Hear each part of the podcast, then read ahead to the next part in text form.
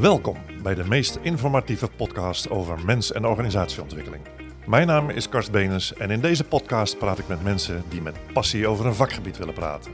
Het doel is simpel: kennis en ervaringen delen. Dus blijf luisteren, dan gaan we beginnen.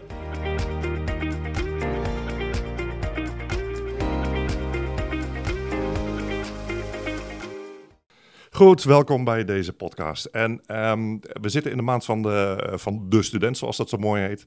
En de eerste twee podcasts zijn eh, met Helen en Isa geweest. En het leuke is, ik, eh, ik zit nu met twee broers aan tafel die allebei student zijn. Of nou ja, net wel, net niet nog student zijn. Maar dat gaan we, gaan we straks horen. Uh, Merlijn en Sylvia, welkom. Goed dat jullie er zijn. Dankjewel. Uh, en het, uh, het wonderbaarlijke is dat ik, want daar kwamen we net in het voorgesprekje ook wel achter, jullie moeder eigenlijk al heel lang heel goed ken mijn partner, vrouw uh, Isabel, die kent haar nog veel langer, namelijk helemaal vanuit de, de, de jeugd. Dus die zijn samen zelfs opgegroeid, samen op vakantie geweest. En wij hebben elkaar misschien één of twee keer gezien. Ja. Nou, dus dat is alleen maar handig. Maar ik dacht wel, hè, want ik, ik ken jullie natuurlijk van de verhalen van jullie moeder wel. Maar dit gaat volgens mij heel boeiend worden. Dus ik stel voor dat we heel snel gaan beginnen.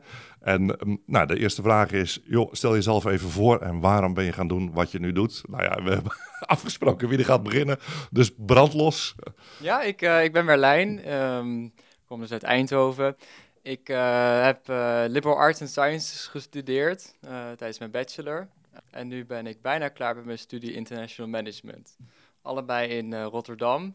En in die periode heb ik ook heel veel uh, gereisd en vrijwilligerswerk gedaan. En uh, haal daar veel plezier uit. Ja, en zijn dit echt.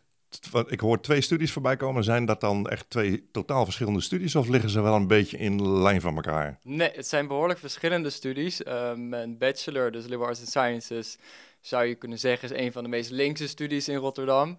Uh, nu doe ik international management en uh, is er iets andere politieke voorkeur. Dus dat is een behoorlijke switch in, uh, in dat opzicht. En, en, waar, en, en, hoezo de switch? Want dat, dat maakt dan meteen wel nieuwsgierig, kan ik Ja, zeker. Nou ja, binnen die linkse studie, Liberal Arts and Sciences, houdt eigenlijk in dat je veel vrijheid hebt in de keuzes die je kan maken binnen de studie. Okay, ja. En ik heb daar gekozen voor economie. En dat is in na nature al een wat rechtsere kant binnen die opleiding.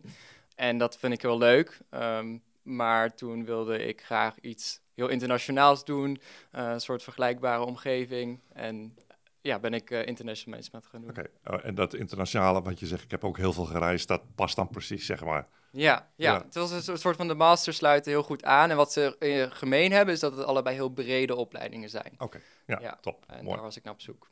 Mooi, interessant.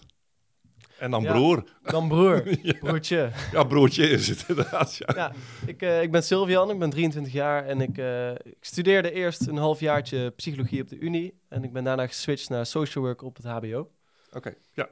En ook een switch dus? Ook een switch. Maakt Alleen, ook nieuwsgierig. Van, van waar de switch? Um, bij mij is de switch heel erg gekomen omdat uh, psychologie is heel theoretisch. En ik kwam er eigenlijk net te laat achter dat je um, eigenlijk niet de praktijk induikt gedurende de studie. Okay. En mijn behoefte heel erg lag in het ja, actief zijn in het helpen van, uh, van mensen. Um, en dat is social work. Daar begin je meteen met een stage. Want die is, even, zeg maar, in mijn vertaling is het dan veel praktischer. Ja. Je gaat dan echt sneller met mensen aan de slag. Je moet ja. even oppassen met je beker op de tafel trouwens, maar dat, uh, als het, dat is het gerommel wat jullie horen op de achtergrond. Nee, dus je, je, jouw behoefte is, uh, is echt om gewoon met mensen aan de slag te gaan. Ja. ja. En nou wordt die misschien wat ingewikkeld, maar um, die drive die jullie hebben en ook de ruimte om te kunnen veranderen Waar komt dat, denken jullie, vandaan? En dan kijk ik jullie gewoon allebei maar even aan. Hè. Waar, zou die vandaan kunnen komen? Want ik vind het wel mooi dat daar tussen jullie wel de parallel zit. Misschien moet ik hem heel kort even toelichten. Ik heb het met uh, Helen en Isa er ook over gehad van de druk van de keuze maken die je dan misschien wel of niet voor de rest van je leven maakt. Hoe zien jullie dat, Roepes? Nou, ik heb in feite niet echt gekozen, omdat ik nog steeds heel veel kanten opkom met mijn uh, studiekeuzes. Ja. En uh, dat was belangrijk, omdat ik die druk behoorlijk voelde en daar geen uh, concreet besluit in kon nemen. En welke, welke druk voelde je dan? De druk om de juiste keuze te ja, maken. Die, ja, en als je ja. dus één keuze maakt die vervolgens maar een soort van één kant op kan daarna, dan, dan is het te laat misschien. Dus heb ik het heel breed gehouden. Ja, dus eigenlijk zoek je daarin de ruimte om keuzes te kunnen maken. Want jij bent 25? Ja. Ja, ja precies. En hoe geldt die voor jou? Ja, ik weet nog wel dat er gewoon er zijn zoveel aspecten waar je rekening mee moet houden. Je hebt natuurlijk aan de ene hand ook gewoon je vrienden die allemaal naar een andere stad gaan om, een bepaalde studie te doen. Ja, vanuit Eindhoven. Vanuit Eindhoven was dat nog. Ja. Ehm, eh, nou, daar kijk je dan stiekem ook met een klein oogje naar. Uh, daarnaast ga je kijken van, hé, wat vind ik eigenlijk allemaal interessant? Maar um, daarbij meenemende de vakken die je in de middelbare hebt gehad, Ehm, dat is gewoon, ja, het is niet vergelijkbaar met wat je natuurlijk op een unie gaat hebben. En ik merkte dat daarin de, overstap voor mij gewoon nog best onduidelijk was. Uh, van, hé, wat houdt het nou in? Dus ik ben heel erg gaan kijken van, hé, wat vind ik leuk? En uiteindelijk kwam ik erachter van, joh, ik wil gewoon mensen helpen. En ben ik op basis daarvan maar gaan zoeken op verschillende studies. En aangezien ik dan ateneum had gedaan, wilde ik het eerst op uh, universitair niveau proberen. En dan was psychologie voor mij het meest logische antwoord. Ja. Uh, wat uiteindelijk wel HBO is geworden. En dan ben ik net zo, ja, zelfs blij ja, mee. Precies. Maar hebben jullie dan ook het gevoel dat je weinig wordt geïnformeerd als je nog op die zogenaamde middelbare zit? Ja, ja, ja ik vind dat het heel erg. Uh, je wordt geïnformeerd, maar ik denk dat het uh, te weinig gestuurd is op de realiteit. Het is heel erg op het, op, theoretische van, hé, zo zit het in elkaar, dit moet je allemaal gaan regelen. Um, en je hebt bepaalde studies, uh, verdiep je in die studies. Maar ja, als je die studies gaat opzoeken, dan zie je inderdaad heel erg qua inhoud um, wel ja, op rode, rode draad wel wat het allemaal inhoudt. Maar, maar je hebt eigenlijk nog geen idee, wat kan ik daar dan mee in de maatschappij? Precies, van wat, wat ga je er uiteindelijk mee doen en uh, wat, wat zou je ermee kunnen? Want het is per studie natuurlijk heel breed. Ja. Dat zou bij elke studie zo zijn. Oké. Uh, en daarbij, ja, als je dat in je achterhoofd houdt, dan, ja, dan zijn er heel veel opties. Ja. God, is voor jou ook Marlijn? Was nee, dat ook... ik heb het wel anders ervaren. Wij hebben bijvoorbeeld op de middelbare school een tafeltjesavond waar mensen over studies vertellen. Ja. En ook een beroepenavond uh, waar mensen over hun beroepen vertellen. En daar kun je toch vrij snel de link maken. Uh, tussen die twee groepen. Want dan komen mensen echt vanuit de praktijk ja. vertellen over wat ze nou, eigenlijk jullie te bieden hebben als nieuwe generatie. Is dat wat ze, wat ze doen? Ja, ja, en toen werd ik heel enthousiast van iemand die international business of international manager was op die beroepenavond. Toen dacht ik van, oh, ik ga kijken hoe, hoe ik dat pad kan bewandelen. Ja, dus het enthousiasme van iemand kan dan ook wel aanstekelijk helpen. Ja, dat heeft voor mij echt uh, veel verschil gemaakt. Ja. ja. En, en en hoe, hoe zitten jullie ouders daar dan in, in het maken van die keuzes? Kun je daar iets over ah, vertellen? Ik, denk dat ze heel erg sturen op van, hey, uh, doe wel goed even onderzoeken wat je leuk vindt, maar wel heel erg de keuze aan ons laten. En wel natuurlijk zelf meedenken. Dat, dat zal elke ouder doen. Uh, wat ik ook heel fijn vind, maar uiteindelijk moet je zelf de keuze maken. Ja. En daarin heb ik wel het gevoel van, joh, je bent volledig vrij om te doen wat je wil doen. Uh, maar doe het wel met een reden. En Sylvian, voor wanneer kwam jou dan het besef, want dat, dat vind ik al wel interessant in het proces, dat je echt met mensen wilde werken? Dus dat social work wat je nu doet, dat, ja, dat kwartje, even ja, gezegd, is ergens gevallen. Ja, eigenlijk kwam het bij mij te laat. Ik heb natuurlijk eerst psychologie gedaan, dus ik ben eerst gigantisch op mijn plaat gegaan, want het, lukte echt van... Ja, voelt dat zo? Ja, het, lukte echt helemaal niet. Ah, Uiteindelijk heb ik er heel veel aan overgehouden. Dus maar dat lukte niet omdat de motivatie er ook niet echt De motivatie was. er niet en het was gewoon anders dan ik had verwacht. Ik, ik, ik had daar gewoon uh, andere verwachtingen van. Dat kwam deels denk ik doordat ik het um, gewoon niet goed genoeg had onderzocht. Ja. Uh, dus eigenlijk te laat achterkwam van, hey, wat houdt er nou allemaal in? Wat kan ik ermee? En, en die hoop op van, oh, ik ga echt het, uh, het, volwassen leven in, ik ga mensen helpen. Ja. Dat dat pas heel laat kan komen. Um, en toen dacht ik van, ja, weet je wat, het zal me ook een worst wezen. Ja, ik, uh, ik ga gewoon naar het HBO. Ja. Ik heb misschien wel mijn VWO-diploma, maar ja, het HBO is veel meer wat mij ligt. Het, het is echt praktijkleven. Van, uh, met, dan ga je gewoon in, uh, jaar één ben ik meteen uh, op één dag stage in de week gaan doen. Ja, ja ik, ik had, ik ik had de tijd van mijn leven. Ik vond het uh, dat ja, was ja, zo precies. anders. Ja, dat, ja, ja, maar dan moet je eens kijken hoeveel dat scheelt. En als je maar dicht genoeg bij jezelf blijft, dan, uh, dan ziet de wereld er meteen heel anders uit. Um, ik, ik, ga straks nog even naar de toekomst met jullie kijken. Maar hoe hebben jullie je studententijd ervaren? Dus los van even de inhoud van de studies. Maar uh, Marlijn, vertel eens. Wat, hoe, hoe ben jij je studententijd doorgekomen? Ja, hoe heb je het ervaren? Nee, fantastische tijd. de beste tijd tot nu toe. Oké, ja.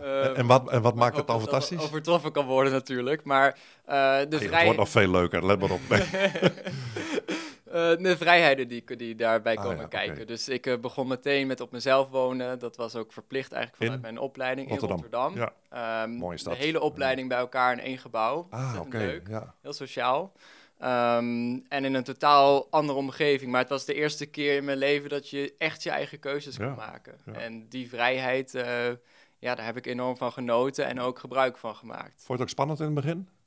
Nee, eigenlijk niet. Nee. Ik was er wel klaar voor. Ja. Eh, misschien al wat eerder zelfs. Ja. Dus ehm, nee, heel fijn gehad. En eh, ik heb dus ook, eh, we hadden vrij lange vakanties omdat het zo'n internationale studie was. Ja. Dus dan moesten de internationals naar huis kunnen. Ehm, en daar heb ik als Nederlander ook goed voor gebruik gemaakt door heel veel vrijwilligerswerk te doen in die, nou, vaak maanden tussen de, de lessen in. En vrijwillig werk zoals...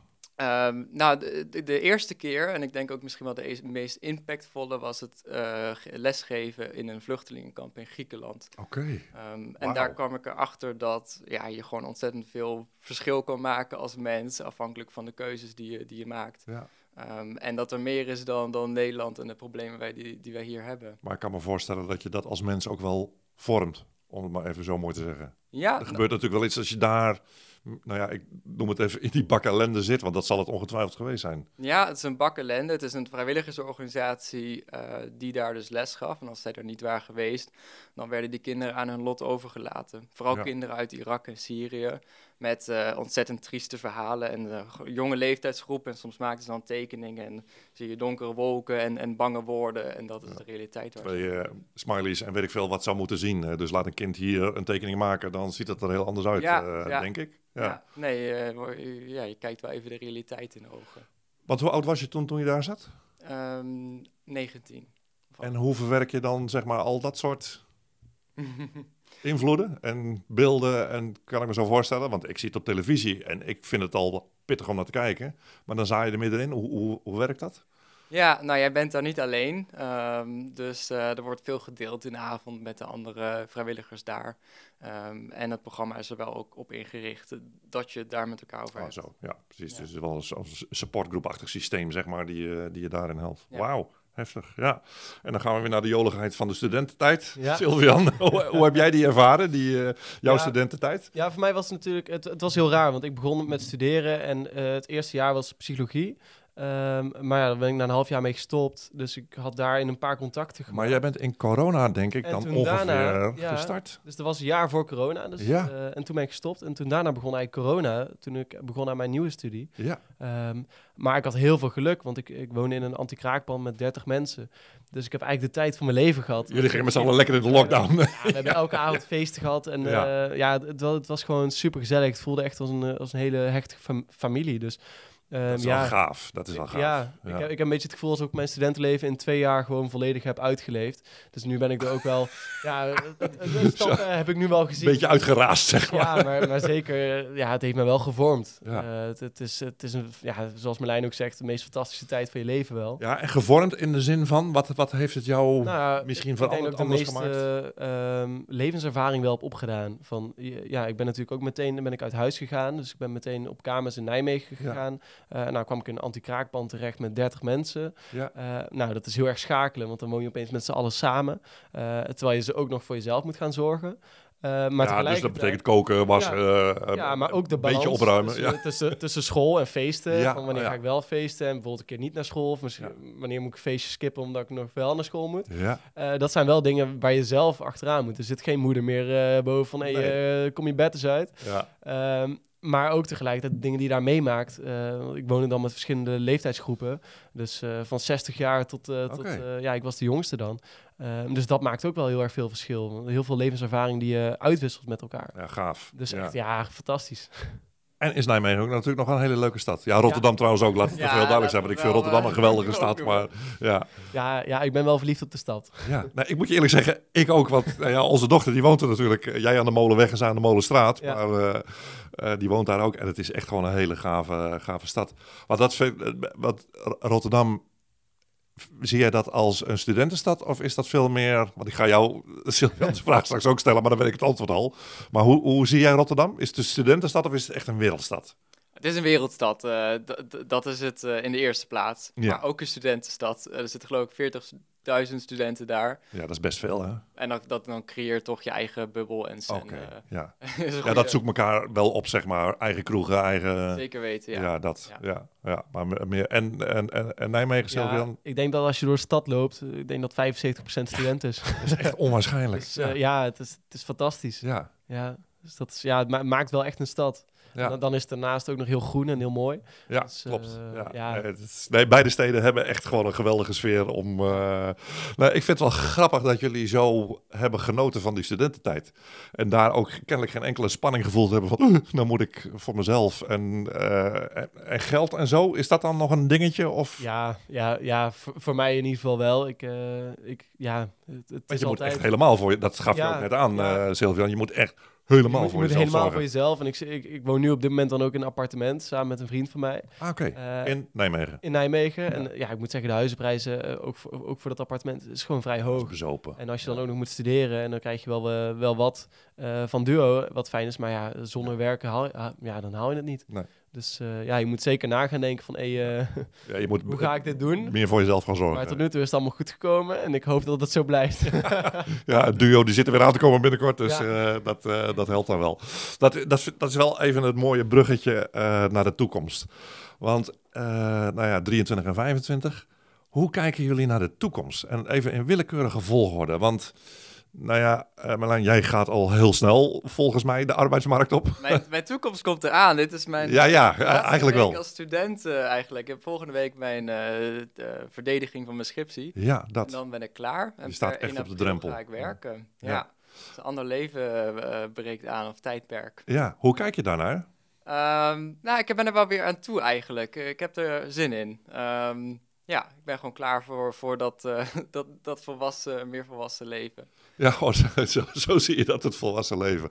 Maar be- be- ben je dan bezig met carrièreperspectieven? Ben je dan bezig met inkomen? Ben je dan, wa- wa- wa- waar Mhm. denkt een 25-jarige die op de drempel staat, eh, wa- waar is die mee bezig? Nou, ik denk Help dat mij. het grootste verschil is dat, dat ik nu gewoon echt praktisch eh, dingen kan doen. Hè? Studeren, ben je, zit je toch veel in de boeken en dan vraag je soms af, oké, wa- waar voeg ik nou een soort van waarde toe? En nu ben ik met projecten bezig waarvan ik direct een gevoel heb van, oké, dit, deze impact heeft dat. eh. Ja. En niet meer alleen met mezelf ontwikkelen eh, bezig. Ja. Nee. Want er is natuurlijk ook gewoon heel veel in de maatschappij aan de hand. Hè? De, de, de- veel onrust, veel onzekerheid. Nou, we zitten ook met een paar vre- vreselijke oorlogen. We hebben hele interessante verkiezingen gehad. Nou ja, we zijn nog lekker aan het formeren en ja. geen idee wat er gebeurt. Hou- Houdt jullie dat bezig? ja en, eh, en nee.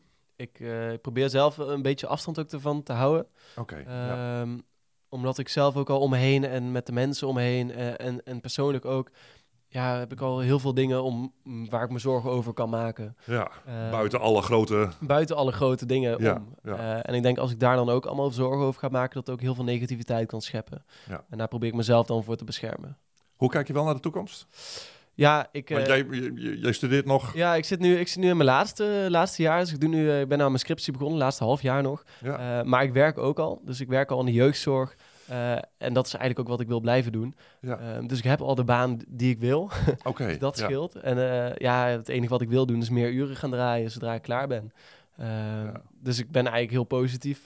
Want, eh, fantastisch. Want hoe kijk je naar de jeugdzorg? Want ook Ja. nou, twee dingen. Een hele goede vriend van mij die werkt al 23 jaar in de jeugdzorg. Dus daar hoor ik veel verhalen over. Ik lees natuurlijk ook in het nieuws van allerlei dingen. Eh, ik hoor vandaag weer een paar keer een eh, reclame, of nee, dat is geen reclame, eh, maar een bericht van Postbus 51 voorbij komen, het vergeten kind. Ja. Hoe, hoe kijk jij meer van binnenuit naar de, de huidige jeugdzorg? Nou, wat ik heel erg merk is ehm, dat het bij de medewerkers, ehm, tot nu toe iedereen die ik heb meegemaakt, die wil echt helpen en die heeft heel veel motivatie om het werk te doen. Ja, maar er is gewoon een gigantisch tekort. Eh, en eigenlijk een teveel aan ZZP'ers. Er is gewoon een, ja, ZZP'ers wordt op dit moment is heel makkelijk om daar geld aan te verdienen. Ehm, en dat heeft toch wel een bepaalde invloed op de kwaliteit van zorg die we leveren. Ehm, dus ik merk binnen mijn organisatie dat, het, eh, dat er gewoon een heel erg tekort is aan een, aan een vast team. Ja. Wat dan uiteindelijk ten koste gaat van de zorg die wij bieden aan onze jongeren. omdat die flexibele schillen, dus die ZZP'ers misschien zich wat minder committeren aan dat wat er te doen is? Of? Ja, nou ja, het verschilt. Je, je hebt ZZP'ers die zijn, eh, zijn fantastisch, die, die pakken de taken op, die zijn er echt, die, die komen naar de jongeren. Maar we hebben helaas ook ZZP'ers meegemaakt en die, die zijn er gewoon, ehm, die binnenkomen eh, en de voet op tafel en Netflix aan. Ja, Eh, en niet eens hooi zeggen tegen de jongeren. En nee, daar- en- dat ja. Oké. ja, ja. en, en, dat, dat is gewoon heel jammer. En daarnaast is het gewoon het, het, ja, de meeste ZZP'ers kunnen geen mentoraat draaien, die kunnen niet echt persoonlijke begeleiding bieden. Nee. Ehm, dus op het moment dat je dat, daar niet genoeg mannen voor hebt, ja, dan kan je dus niet de zorg bieden die je wil bieden. En, En dat hoe- maakt het moeilijk. En hoe maken we het vak weer sexy dan? Ja, ja, als we dat antwoord toch heel makkelijk Ja, willen ja. weten. Ik- Heb, je daar, heb je daar ideeën over of Nou, niet? ik- wat, wat, wat zou men... Ik denk dat het twee kanten op kan gaan. Het is eh, met, met lonen kijken van hey, hoe, hoe maak je het aantrekkelijk? Eh, of het is eh, kijken van hey, hoe, hoe zorg je dat er meer gecontroleerd wordt in de zorg? Dus met de ZZP'ers van hey, hoe, hoe gooi je daar controles op dat, dat ze ook daadwerkelijk de zorg leveren die ze, die ze zeggen te leveren? Ja. Ehm, en misschien daar ook qua prijskaartjes het minder interessant maken, eh, maar juist interessanter maken om eh, aan een vast contract te, te zitten in een vast team. Dat, ja. Eh, ja, Dus daar, daar meer aandacht aan geven eigenlijk. eh. dat denk ik. Maar ik denk dat er heel veel andere dingen zijn ook die... Regelgeving bijvoorbeeld. Bijvoorbeeld. Nee, maar ik hoor natuurlijk, ik, ik spreek vrij veel mensen ook uit, onder andere uit de jeugdzorg, maar ook uit de zorg, die zeggen van ja, maar wij zijn meer bezig met formulieren invullen Ja. dan dat we Mm. met de patiënt in contact kunnen. Dus dat, eh, nou ja, volgens mij is daar mi- misschien nog wel de meeste winst te halen. Ja. ja. Hey, Marlijn, en hoe, nou ja, je bent, je bent eigenlijk al aan het werken. Ehm, maar ben je dan ook al bezig met hypotheken, huizen, waar Ja. wil ik gaan wonen, weet ik Ja. veel wat alweer. Dus de, de grote levensvragen. Ja, ik, ik had niet verwacht dat ik daar nu al mee bezig zou zijn. Ik wilde, heb eigenlijk al heel lang gezegd van, oh, ik ga niet eh, al vroeg zeg maar huisje, boompje, beestje Nee. Eh, doen. Maar goed, ik heb nu een, eh, een baan, een eh, contract ondertekend en dan is het toch een soort logische stap. Oké, misschien moet ik toch ook maar eens overwegen om, om een huis te kopen, ja, de, de dure Dus het werkt eigenlijk andersom. Je hebt de baan en dan denk je van, Ja, Ja. nou ja, gewoon ook uit, uit financieel oogpunt. als je huurt, ja, dat is eigenlijk ergens is het zonde. Dus als je iets kan kopen, al is het maar voor een paar jaar. dus het is ook gewoon een slimme overweging. Ja. Dus eh, daar ben ik nu mee bezig. Oh, echt? ja, ja, ja, ik heb een paar huizen al bez- bezichtigd en eh hypotheekadviseur aan het In praten. Rotterdam. In, nee, in Den Haag. Dus Oh, ik, Den ik Haag. werk, eh, of ik ga werken in Den Haag. Ja. Ehm, en eh, ja, ik heb dus afgelopen vijf maanden bij diezelfde werkgever stage gelopen. Ik merk dat dat reizen eh, zo in de ochtend dat is tijdens de spits, ja. ja, dat als ik dat kan voorkomen, niet zo erg vind. En omdat ik zo'n internationale opleiding heb gedaan, is Rotterdam ook behoorlijk leeggelopen. Dus ik heb er iets minder ehm, reden om daar te blijven. En je bent ook een liefhebber van reizen maken. En hoe zie je die combinatie dan? Dus hoe blijf je eigenlijk Mhm. daarin dicht bij jezelf? Ja, nou ja, het is een, eh, een, een baan waarvoor ik gelukkig ook veel mag reizen. Oké, Ehm, ja, dat heb je heel goed dus, gedaan. Dus dat ja. komt mooi bij elkaar. En Dat ik weet je. zeker dat ik alle andere eh, tijd die ik heb eh, ook graag aan, aan reizen wil besteden. Want wa- en wat, hoe zien die zakelijke reizen er dan uit? Wat, wat ga je dan vooral doen? Ja. Op welke plekken kom je dan ongeveer terecht? Ja, naar plekken waar je normaal gesproken niet zo snel zou komen. En eh, dat vind ik alleen maar heel erg leuk.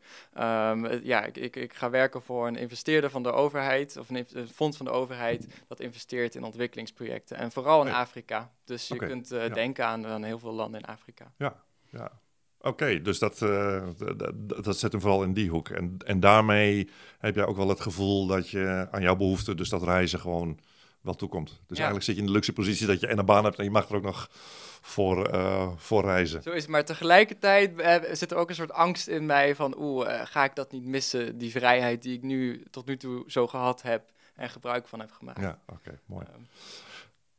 Tussen jullie tweeën, hè? Ehm, want nou ja, dat, dat, we hebben geen beeld, dus het zijn geen camera's aan. Maar ja, je, jullie, je, je moet echt goed kijken om te zien dat jullie broers zijn, maar ook verschillende richtingen. In hoeverre hebben jullie invloed op elkaars keuzes?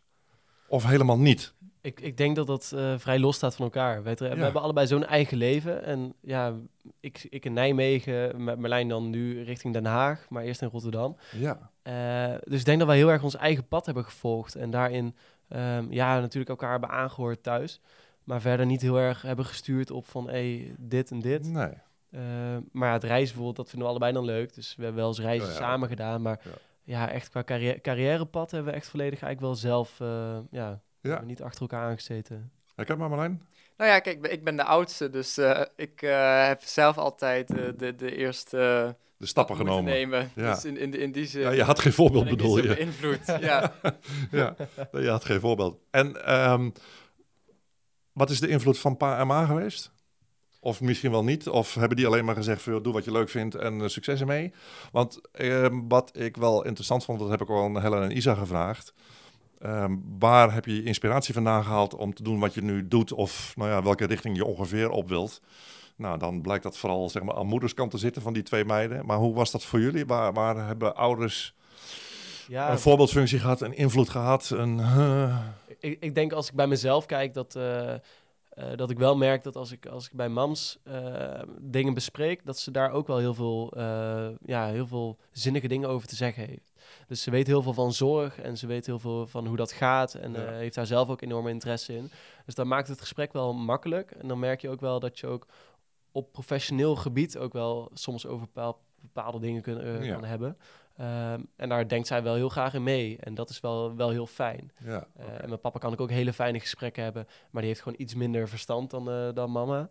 Uh, ja, van dat, van dat onderdeel, ja. Van dat onderdeel. Hij, hij luistert niet. Hij luistert niet. hij luistert nee, niet. Nee, hij luistert niet. nee, die, die, heeft heel veel verstand van het zakelijke leven. Dus misschien dat Marlijn juist heel anders daarover denkt. Ja, Marlijn, vertel eens. Hoe, hoe is de invloed van pa en ma geweest op ja, of niet, hè, dat kan ook. Maar ergens gebeurt er natuurlijk van alles in zo'n gezinsdynamiek. Dat, dat vind ik altijd wel boeiend om te onderzoeken.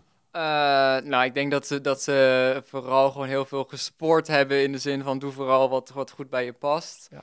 Uh, en, maar maak daarin wel de beste keuze. Uh, Dus wat ik heb gedaan ligt echt niet in, in lijn wat, wat zij vroeger bijvoorbeeld gedaan hebben of wat, waar ze nu mee bezig zijn.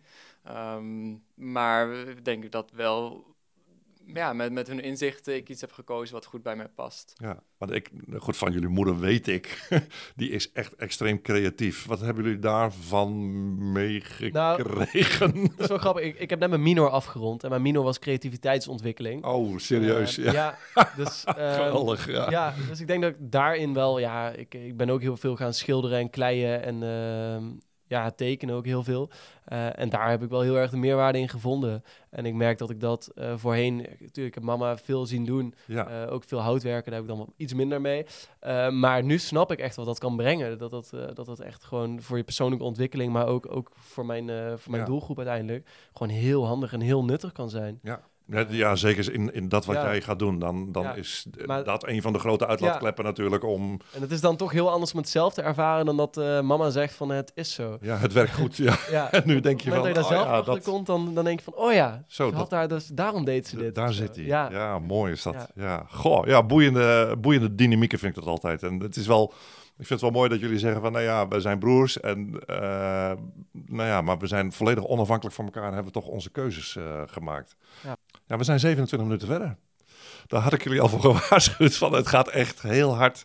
Dus we gaan heel langzaam naar de, naar de afronding van, uh, van dit gesprek. En um, ja, de laatste vraag is altijd van, nou ja, welke tip heb je voor de luisteraar? Dus nou ja, ik kijk jullie allebei maar aan wie wilde beginnen. Sylvian, vertel. Zal ik beginnen? Ja, dat mag. Nou, wat voor mij gewoon heel belangrijk is geweest, en dat, dat, is mijn tip voor iedereen, is uh, zoek iets wat je gelukkig maakt en leg daar je focus op. Um, ik ben erachter gekomen dat mensen gelukkig maken, dat dat echt mijn drijfveer is, dat dat mijzelf ook heel gelukkig maakt. En ja, ik heb daar mijn baan van gemaakt. Ja. Um, dus ik denk op het moment dat jij ergens gelukkig van wordt, ja, focus daar vooral op, want het maakt je gelukkig. Dus je moet heel goed naar je eigen gevoel luisteren. Dat is eigenlijk wat, eh, wat je zegt. Ja. En, en, Volg je hart. Uh, kun je dat misschien nog iets aanvullen door misschien even te onderzoeken van en hoe doe je dat dan? Hoe kom je er nou achter wat je nou echt heel blij van wordt? Uh, ik, ik, denk dat je vooral moet kijken van hey, uh, wat maakt me aan het lachen, maar ook wat, waar liggen mijn interesses, maar ook waar ben ik heel goed in? Ja. Waar liggen je kwaliteiten? Want als jij ergens, als jij heel goed bent in gesprekken voeren, ja, misschien kan je daar wel iets mee. Ja, uh, maar, bijvoorbeeld. Ja, bijvoorbeeld dit. Uh, probeer, Er zijn inmiddels zoveel mogelijkheden. Je kan met, met eigenlijk alles kan je wel iets bereiken. Ja. Uh, maar het is gewoon heel belangrijk om, om echt iets te gaan doen wat je gelukkig maakt. Mooi. En zoek daarin gewoon je eigen kwaliteit, je eigen, je eigen passie op. Ja, dat. Ja. Mooi. Dankjewel. Mooi. Marlijn? Ja, uh, mijn tip zou zijn: verbreed je horizon. Ga de wereld een beetje ontdekken. En ik denk dat de studententijd daar een heel geschikte periode voor is. Maar ook daarna, ben niet bang. Zoek dat ongemak op. En ik denk dat dat je ontzettend veel kan brengen en kan relativeren. Ja, maar de horizon verbreden is niet alleen maar reis de hele wereld over, denk ik of wel? Nee, ik denk meer dat het uh, gaat over eh, dat ongemak opzoeken, maar ook een beetje wereld verbreden. Hè? Stap een beetje buiten je comfortzone en dat voor mij betekent dat ook een beetje buiten Europa. Kijk wat andere culturen doen, hoe het daar leeft en uh, dat soort dingen meer. Ja, ja. mooi. Ja. En heel praktisch en vooral ook in je studententijd. Maar dan denk ik van, en hoe ga je dat dan financieel regelen als student? ik kan me voorstellen dat als, als studenten nu zitten te luisteren, dat ze denken van, ja, en hoe doe ik dat dan? Maar dat is ook echt wel bewust ervoor kiezen, denk ik, of niet? Ja, bewuste keuzes maken, maar ik moet ook zeggen, het, het hoeft niet zo duur te zijn als je een beetje slim mee omgaat. En als student heb je toch minder comfort nodig. Klopt. Dus een hostel kost 10 euro per nacht, uh, wat, wat eten, maar dat, uh, dat valt allemaal ja, En op basis van vrijwilligerswerk en dat soort zaken meer. Uh, ja, ja, ja, dat scheelt mooi. ook nog weer geld en je kan impact maken. Dus een goede aanrader. Verbreed je horizon. Top, mooi. dank jullie wel. En uh, ja, zoals ik al zei, het, vliegt voorbij, want die school nu een half uur uh, zit er alweer op. En uh, volgens mij kunnen we nog uren doorpraten. Maar ik, nou ja, wat ik wel mooi vind, is hoe jullie ook wel gewoon zelfstandig en onafhankelijk naar de wereld kijken. En het is prachtig dat jullie broers zijn. Tenminste, daar ga ik even vanuit. En, Zeker. En, en dat jullie gewoon uit een, zeg maar, gewoon ook stabiel gezin komen, maar dan toch nog je eigen keuzes daarin durven maken. Dat, dat, dat vond ik mooi om te horen. Uh, dank in ieder geval ook voor de tips. Ja, dank en, voor de uitnodiging. Ja, graag Ja, gedaan. ja, en uh, mooi gesprek geweest. Volgende week praat ik met, met Elin. En Elin is, naast het feit dat ze zeg maar alle editing doet voor deze podcast en alle techniek, is zij ook student. Die hebben we ondertussen opgenomen. En ik kan jullie nu al vertellen, dat is ook weer een heel interessant en mooi gesprek geworden. Dus dank jullie wel voor het luisteren en heel graag tot de volgende podcast.